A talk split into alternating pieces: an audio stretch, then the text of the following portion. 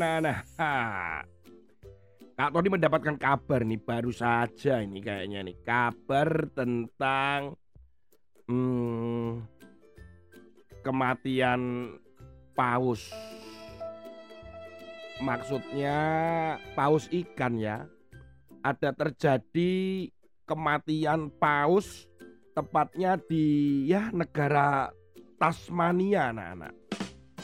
Padahal negara Tasmania ini jarang sekali ada paus, bahkan nggak pernah ada paus yang ada di pantai itu meninggal.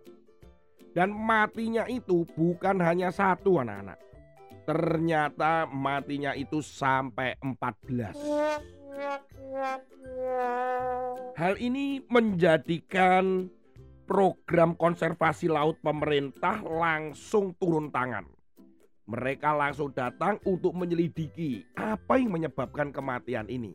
Apalagi yang ada di sana, di Tasmania. Tepatnya itu adalah di King Island. Nah, kan nggak mungkin tiba-tiba kok mati rame-rame ini kenapa? Nah, akhirnya dilakukanlah penyelidikan dan tidak ditemukan Apakah karena sakit, karena mungkin bertempur dengan yuyu mungkin atau diracun oleh manusia gitu? Enggak ternyata. Tetapi menurut para ahli dikatakan bahwa memang ini jauh sekali dari perairan yang banyak pausnya. Jadi nggak mungkin sebetulnya kok bisa sampai terdampar di King Island dan kemudian 14 paus dan mati di situ. Kemudian diselidiki oleh Vanessa Pirota. Dia ini adalah ilmuwan satwa liar di sana. Dia mengatakan kemungkinannya ini adalah paus-paus ini itu keluar dari rombongan paus induknya. Dengan kata lain, ini adalah paus-paus yang ya kalau dikatakan ini adalah paus-paus nakal begitu loh. nakal. Pausnya nakal. Disuruh mengikuti induknya rame-rame karena paus itu biasanya sering kali bergerombol. Ini kayaknya ada 14 anak nakal. Itu maksudnya ada 14 paus nakal. Dia pergi meninggalkan induknya. Mungkin mau mainan gitu ya. Nah ternyata mereka kehilangan induknya setelah mungkin pergi. Walaupun ini masih jadi misteri kenapa paus-paus itu tadi bisa meninggalkan induknya. Tetapi itu adalah yang paling mendekati kebenarannya gitulah. Karena nggak mungkin tiba-tiba kok ada di situ ya para ahli, para ilmuwan mengatakan demikian. Firman Tuhan hari ini adalah di dalam Amsal pasal yang ke-26 ayat yang ketiga. Cemeti adalah untuk kuda, kekang untuk keledai, dan pentung untuk punggung orang bebal. Ternyata ayat ini, ini mau ngomong apa sih anak-anak? Cemeti itu cambuk ya, cambuk. Itu untuk kuda. Jadi supaya kuda itu larinya kencang, berhenti, itu perlu cemeti, perlu cambuk. Kak Tony pernah naik kuda, kemudian diserahkan cemeti oleh yang jaga kudanya itu, yang punya Kak Tony lari naik kuda. Eh, maaf maaf, salah salah salah. salah kudanya lari, Kak Tony naik di atas kuda, gitu maksudnya.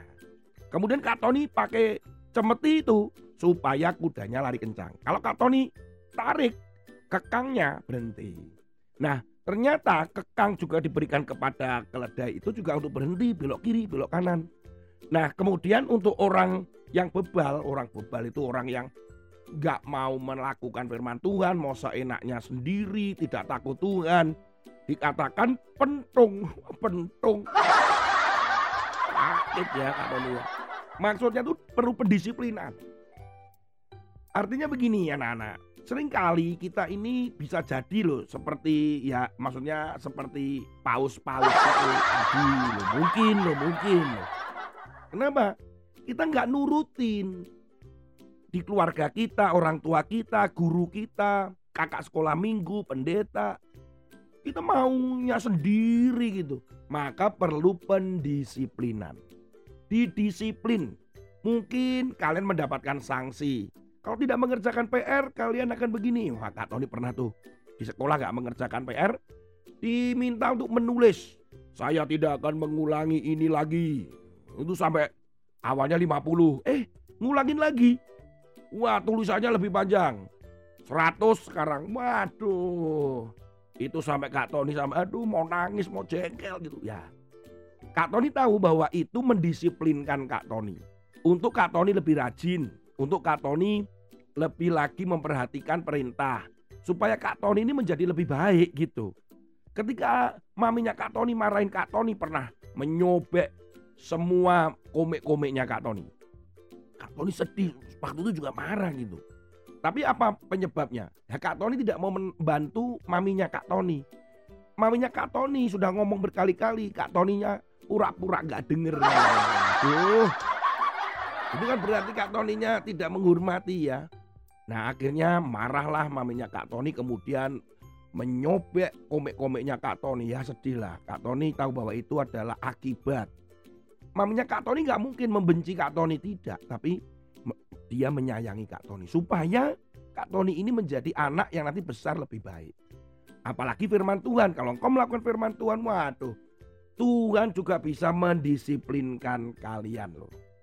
Ya dengan cara macam-macam mendisiplinkan. Dari kejadian demi kejadian. Bisa juga loh anak-anak kita dari teguran orang lain dan sebagainya. Yang penting mau hati mau diajar, mau terbuka diajar dan mau diajar untuk lebih baik. Tuhan Yesus memberkati, sampai ketemu lagi dengan Kak Tony di episode yang lain. Amin.